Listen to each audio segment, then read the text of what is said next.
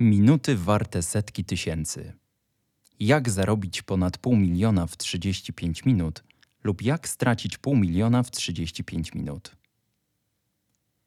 W połowie 2018 roku prezes poprosił mnie, abym przyjrzał się umowie najmu, którą zamierzał podpisać za dwa dni.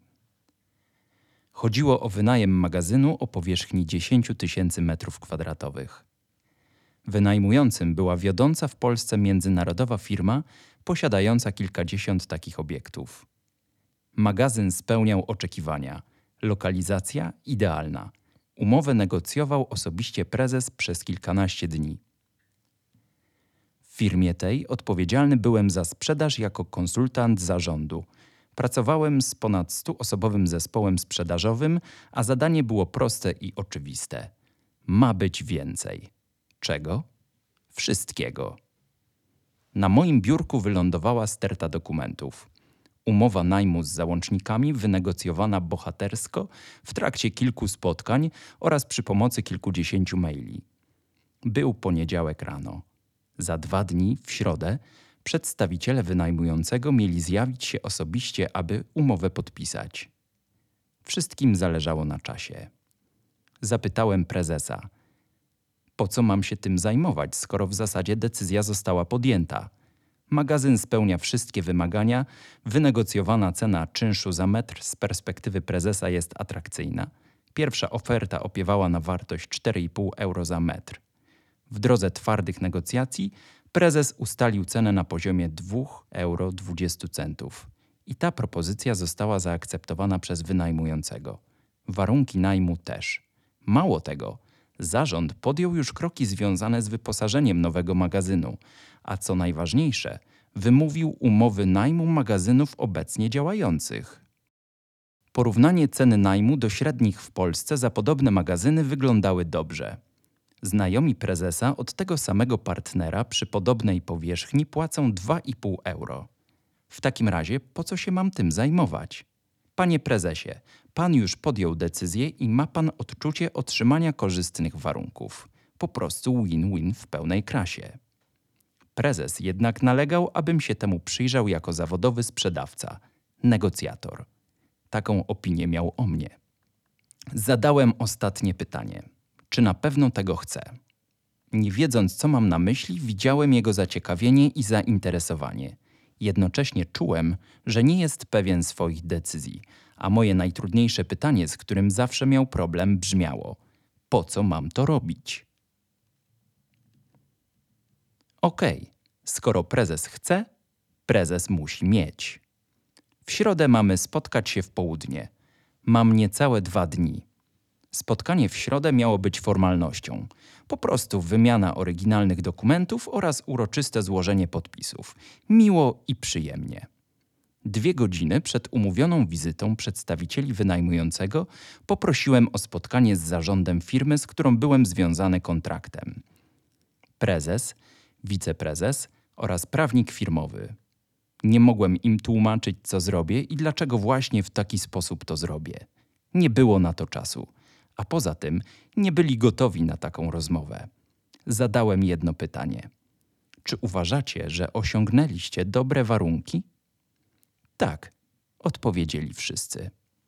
Zgadzam się, odpowiedziałem. Waszym zdaniem warunki są korzystne, natomiast moim zdaniem mogą być znacznie lepsze. Jeśli chcecie, abym wynegocjował lepsze warunki, mam jeden warunek, który musicie spełnić.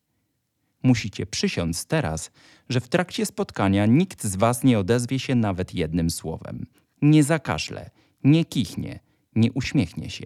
Macie tylko siedzieć i oddychać i kontrolować swoje oczy, aby nie wypadły na stół.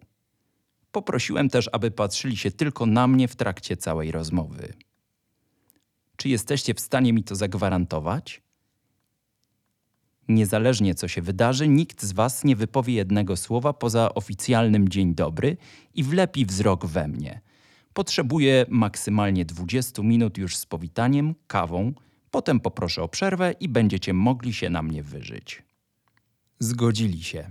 Złożyli przysięgę, A ja wiedziałem, że najtrudniejszym elementem tych negocjacji będzie przypilnowanie prezesa, wiceprezesa i pani prawnik, aby rzeczywiście się nie odzywali i patrzyli tylko na mnie. Dlaczego mają patrzeć na mnie? Bo tylko tak będę miał ich pod kontrolą. Będę mógł wzrokiem ich uspokajać. A poza tym, patrząc na mnie, nie dadzą wzrokiem nieodpowiedniego sygnału naszym kontrpartnerom. Ja wiedziałem, co się wydarzy. Oni nie mieli pojęcia. I to był największy problem.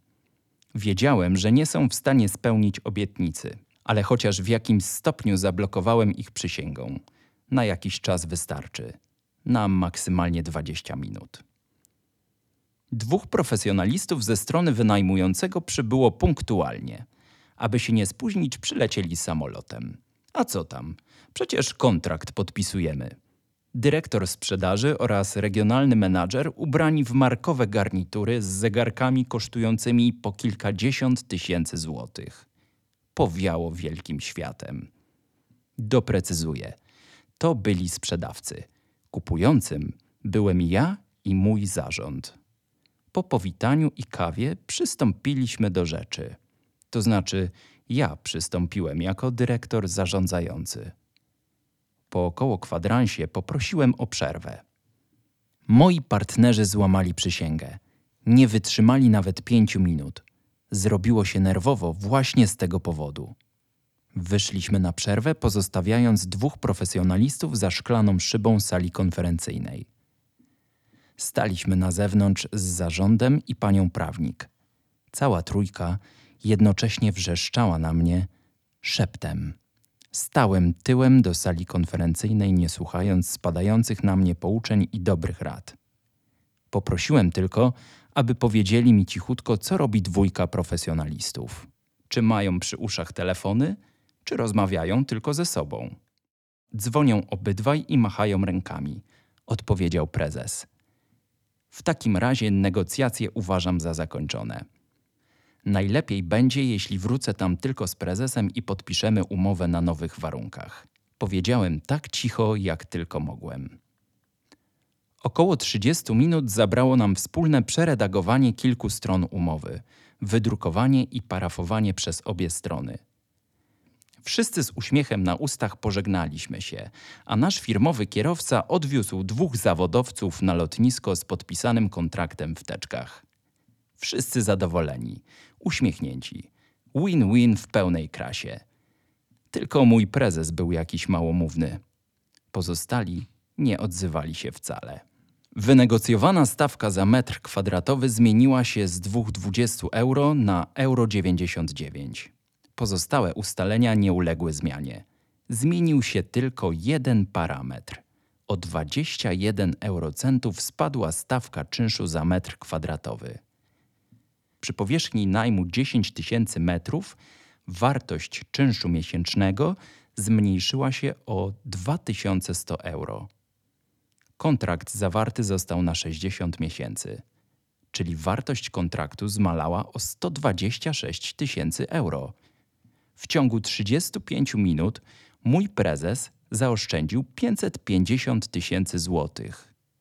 Zawodowi Przeszkoleni sprzedawcy, od których wiało wielkim światem, stracili 550 tysięcy złotych.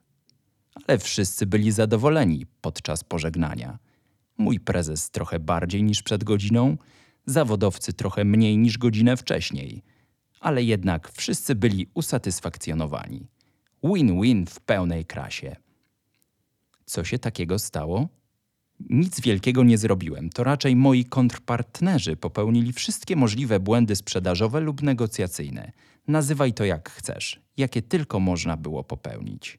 Błędy kosztowały 550 tysięcy złotych. Znaleźli sposób, jak stracić na tej transakcji 550 tysięcy. Wróciliśmy z prezesem do gabinetu.